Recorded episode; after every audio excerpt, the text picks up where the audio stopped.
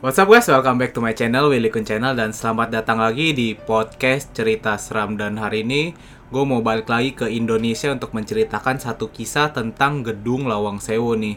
Karena beberapa saat ini lagi banyak banget yang request Bang coba ceritain tentang cerita-cerita Indonesia. Coba bahas tentang kasus-kasus sensitif di Indonesia. Bukannya gue nggak mau bahas kasus-kasus yang sensitif lagi nih di Indonesia Tapi bagaimanapun caranya gue coba bawain kasus ini, gue coba secara halus, gue bahas kasus yang sensitif di Indonesia. Padahal tujuannya tuh gue mau cuma buat informasin ke kalian, gue mau mengedukasikan cerita ini agar kejadian yang sensitif itu gak terulang lagi. Tapi bagaimanapun caranya, ada yang gak suka dengan konten seperti itu. Makanya beberapa saat yang lalu gue sempet stop buat konten yang sensitif khususnya di Indonesia. Gue coba cari kasus-kasus di luar nih. Tapi karena banyak yang request, gue akan coba bikin lagi ke depannya nanti. Gue bakal bahas-bahas kasus yang sedikit sensitif, tapi gue coba lebih perhalus lagi. Semoga ntar feedbacknya nggak kayak dulu sih. Kayak dulu tuh sedikit buat gue nggak enak lah, gue nggak nyaman untuk menyampaikannya. Jadi gue mau tekenin lagi kalau nanti ke depannya gue buat konten yang sensitif, coba deh berpikir nek berpikirnya jangan negatif. Kita coba ambil sisi positifnya untuk pembelajaran untuk edukasi dan informasi khususnya buat kaum muda ya. Uh, kalau gitu yuk kita mulai ya bahas tentang Lawang Sewu yang rupanya setelah gue cari dan gue research nih kasus ini tuh uh, menarik. Karena kebanyakan orang berpikirnya Lawang Sewu tuh serem dan sekarang udah jadi objek wisata tapi rupanya ada beberapa fakta yang kalian kayak nggak tahu juga nih gue mau meluruskan dari cerita gedung Lawang Sewu ini. Makanya hari ini bakal gue bahas tuntas. So sebelum gue mulai jangan lupa untuk selalu support channel gue dengan cara klik tombol subscribe-nya aja di pojok kanan video kalian. Kemudian klik tombol loncengnya agar mendapatkan notifikasi terbaru dari video di channel gue dan nanti di akhir video like dan share video ini biar semua orang mendapatkan informasi yang unik ini ya guys. Ingat subscribe itu gratis. Kalian nggak rugi apa-apa kok So, kita mulai aja. Let's go! Gue percaya kebanyakan dari kita pasti udah nggak asing mendengar nama Lawang Sewu. Lawang Sewu sendiri adalah salah satu objek wisata favorit di Semarang, Jawa Tengah. Lawang Sewu adalah gedung klasik Belanda yang arti namanya sendiri adalah seribu pintu. Tapi kalian tahu gak, faktanya sebenarnya di Lawang Sewu itu sendiri cuma ada 429 lubang pintu. Nah, sedangkan yang menyampai seribu adalah daun pintunya ini. Nah, di Lawang Sewu ada 1200 daun pintu. Yang kebanyakan daun pintunya ini terdiri dari dua atau bahkan empat. Jadi dari lubang pintu yang 429 itu dikalikan 4 atau dikalikan 2. Jadi bisa sampai angka 1000 pintu. Gedung Lawang Sewu dibangun pada tahun 1904 dan baru selesai pada tahun 1907. Nah, awalnya gedung ini digunakan untuk perusahaan swasta dari kereta api pemerintahan Hindia Belanda. Dan perusahaan inilah salah satu perusahaan yang pertama kali membangun jalur kereta di Indonesia. Namun pada tahun 1942, tempat ini beralih fungsi ketika pemerintahan Jepang menjajah Indonesia. Dan ketika awal-awal kemerdekaan kita, tempat ini juga menjadi salah satu medan perang yang paling parah di Semarang untuk melawan penjajahan dari Jepang. Jadi karena hal itulah tempat ini menjadi saksi bisu dan harus dijadikan objek wisata yang bersejarah. Di balik sejarah panjang dari gedung Lawang Sewu ini sendiri, rupanya gedung ini juga nggak terlepas dengan hal-hal yang berbau gaib dan mistis. Saking menyeramkannya gedung ini, gedung Lawang Sewu sempat mendapat penghargaan sebagai gedung terseram se-Asia nomor 2. Ketika kita memasuki halaman Lawang Sewu, kita akan melihat sumur tua yang sangat menyeramkan. Konon katanya terdengar suara teriakan minta tolong, kesakitan dan ketakutan dari dalam sumur itu.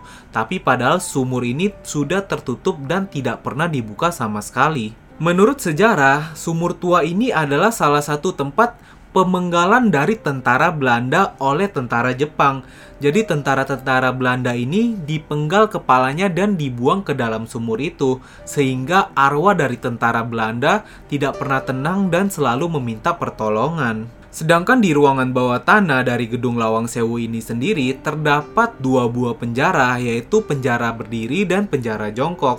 Orang-orang yang dimasukkan ke dalam penjara ini adalah orang-orang yang mencoba melawan pemerintahan Jepang, yaitu bisa dari tentara Indonesia atau tentara Belanda. Penjara jongkok berada di lorong bawah tanah yang bentuknya ini seperti bak. Tinggi dari penjara jongkok ini sendiri cuma setinggi 60 cm dengan ukuran 1,5 kali 1,5 meter persegi. Dan di dalam penjara jongkok ini biasanya dimasukkan secara paksa 5-6 orang. Ketika penjara jongkok ini sudah dipenuhi oleh tahanan, para tentara Jepang akan memaksa mereka untuk jongkok. Ketika mereka sudah jongkok, tentara Jepang akan mengalirkan air ke dalam penjara ini hingga bagian leher. Kemudian penjara ini ditutup dengan trali besi. Nah, ketika itu, tahanan ini akan dibiarkan begitu saja hingga tersiksa dan mati di tempat itu. Sedangkan untuk penjara berdiri, ukurannya ini hanya sekitar 60 kali 1 meter. Di dalam penjara ini biasanya dimasukkan 5-6 tahanan yang disiksa dengan cara dibiarkan berdiri hingga tewas. Tapi bila mereka belum tewas, para tentara Jepang akan memenggal kepalanya dan mayatnya ini akan dibuang di pinggir sungai Gedung Lawang Sewu. Serem ya. Menurut masyarakat setempat, bila kita memasuki ruangan bawah tanah ini dan kita dalam keadaan berdiri atau jongkok sendirian, kita akan melihat bayangan seperti bayangan manusia yang matanya ini hijau menyala dan yang paling menyeramkannya itu dia sedang merangkak ke arah kita dengan sangat menyeramkan. Dan bahkan menurut pengunjung dari Lawang Sewu ini sendiri, ada beberapa orang yang sempat juga melihat penampakan kuntilanak atau wanita londo yang sangat menyeramkan. Mereka mengatakan bahkan mereka mencium bau anyir dari darah segar yang sangat menyengat. Dan pada tahun 2004, reality show bernama Dunia Lain melakukan uji nyali di ruang bawah tanah dari gedung Lawang Sewu. Pada awalnya memang kelihatan biasa aja, nggak ada penampakan dan kelihatan sangat normal. Tapi sayangnya di tengah-tengah dari uji nyali ini, terdapat satu penampakan kuntilanak yang sangat menyeramkan. Nih, gue bakal kasih kalian lihat videonya, tapi kayaknya gue bakal kasih kalian lihat dari handphone aja. Soalnya kalau gue tunjukin nanti kena copyright nih. Jadi kita lihat nih. Pasti kalian udah nggak asing dengan satu acara reality show ini nih.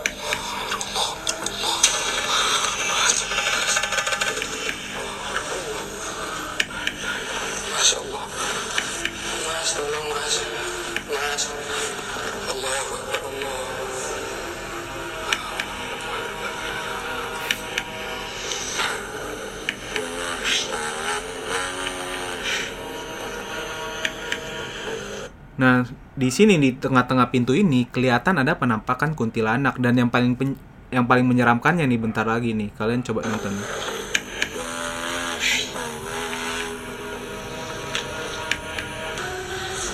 Nah, kalau kalian dengar baik-baik ya tadi ya, itu dia kayak kuntilanaknya itu kayak mengulang kata-kata dari eh, sang penguji nyali ini nih, yang pesertanya ini.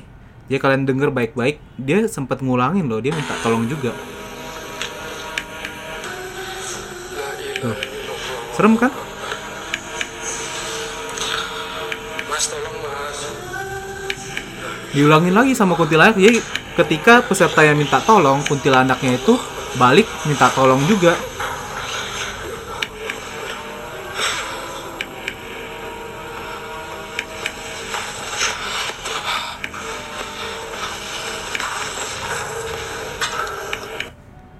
Nah, gue pasti yakin sih kalian pasti juga pernah tahu lah ada penampakan di Lawang Sewu dan ini karena ini salah satu video yang paling heboh dan rumornya peserta dari uji nyali ini juga meninggal setelah acara ini tepatnya tiga hari setelahnya. Tapi di sini gue juga mau kasih beberapa fakta yang rupanya rumor ini sempat dibantah oleh pembawa acara dari dunia lain yaitu Hari Panca. Jadi pembawa acara dari dunia lain ini atau Hari Panca membantah adanya peserta yang meninggal setelah kejadian ini. Nah, ini satu videonya biar bukti biar kalian tahu nih faktanya ya. Gitu terus sekarang jadi objek wisata. jadi objek wisata Iya Jadi jadi ada ada Dulu katanya ada yang penampakan di situ orangnya meninggal Enggak itu gosip aja. Gosip ya? Gosip. Nah, jadi dia bilang di sini itu cuma gosip nih. Nih gue ulangin sekali lagi ya biar kalian dengar baik-baik. Kayak, kayak apa? Lawang Sewu gitu terus sekarang jadi objek wisata. jadi objek wisata Iya. Jadi jadi ada ada Dulu katanya ada yang penampakan di situ orangnya meninggal. Enggak, itu gosip aja. Gosip ya? Gosip. Nah, setelah mengatakan kalau ini cuma gosip, memang dari Hari Panca itu sendiri eh, mengatakan kematian atau meninggalnya peserta dari acara ini bukannya ka- karena hal itu. Dan salah satu rumor lainnya dari kasus Lawang Sewu ini di mana dikatakan dunia lain mengubah namanya menjadi masih dunia lain karena kasus kematian pesertanya itu. Tapi kalian tahu gak faktanya sebenarnya dunia lain mengganti namanya menjadi masih dunia lain karena mereka ada proses perpindahan yang awalnya mereka ngambil dari Trans TV berubah menjadi Trans 7. Jadi namanya itu juga harus diganti. Nah, tapi terlepas dari itu semua, pembawa acara dari Masih Dunia Lain dan kru Masih Dunia Lain mengatakan kalau semua proses pengambilan syuting nggak ada rekayasa sama sekali. Jadi penampakan di Lawang Sewu itu juga adalah penampakan yang apa adanya. Dan untuk ruangan bawah tanah dari gedung Lawang Sewu ini sendiri, tepat pada tahun 2014 sudah ditutup dan nggak boleh lagi orang masuk ke ruangan bawah tanah. Bukan karena faktor angker atau mistis, tapi faktor yang diambil adalah faktor keselamatan. Karena di situ dikatakan suplai oksigen itu dikit banget, jadi orang kalau masuk ke dalam situ bisa berbahaya. Tapi keangkeran dari Lawang Sewu ini sendiri sebenarnya tidak terlepas di ruangan bawah tanah saja. Karena menurut kabarnya ada seorang juru kunci dari gedung Lawang Sewu yang bisa melihatkan penampakan dari Lawang Sewu ini tepatnya di lantai 3. Konon sang juru kunci ini bisa memanggil sosok penunggu dari Lawang Sewu yang akan menampakkan dirinya seperti sosok bayangan sedang menggantung di langit-langit lantai 3 dari gedung Lawang Sewu. Tapi ada satu masalahnya di mana penampakan ini nggak bisa menampakkan dirinya kepada semua orang. Hanya orang-orang tertentu yang dipilih yang bisa melihat penampakan ini. Dan akhirnya pada tahun 2011, gedung dari Lawang Sewu ini sendiri direnovasi secara besar untuk menjadi objek wisata yang ramai dikunjungi hingga sekarang. Bahkan setelah renovasi, gedung dari Lawang Sewu juga digunakan sebagai tempat prewedding beberapa orang yang mau mengambil foto pernikahan. Dan informasi aja buat kalian, kalau kalian mau mengunjungi Lawang Sewu sekarang, jam operasionalnya adalah jam 7 hingga 9 malam. Setelah itu biayanya juga nggak mahal banget, yaitu hanya sebesar 10.000 untuk dewasa dan 5.000 untuk anak-anak di bawah umur. Kalau kita mengunjungi gedung Lawang Sewu sekarang, di lantai pertama kita akan melihat beberapa dokumen dari perjalanan panjang perkeretaan Indonesia. Sedangkan di lantai 2, kita juga akan melihat hal yang sama,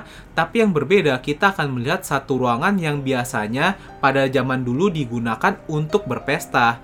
Sedangkan di lantai 3, ada sebuah ruangan besar yang memiliki jendela yang pada zamannya itu digunakan untuk berolahraga.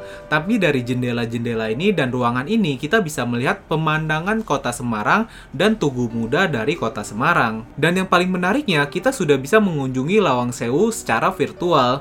Jadi untuk masa-masa pandemik seperti sekarang, kita bisa jalan-jalan ke Lawang Sewu. Lambat laun, kesan angker dari gedung Lawang Sewu ini sendiri sudah semakin memudar. Jadi gimana menurut pendapat kalian? Ada yang pernah ke Lawang Sewu sekarang? Atau ada yang punya pengalaman gaib dari Lawang Sewu? Coba tinggalin komentar kalian ya. So, thank you guys for watching this video. Gue mau terima kasih banget buat kalian yang udah selalu support channel ini ya.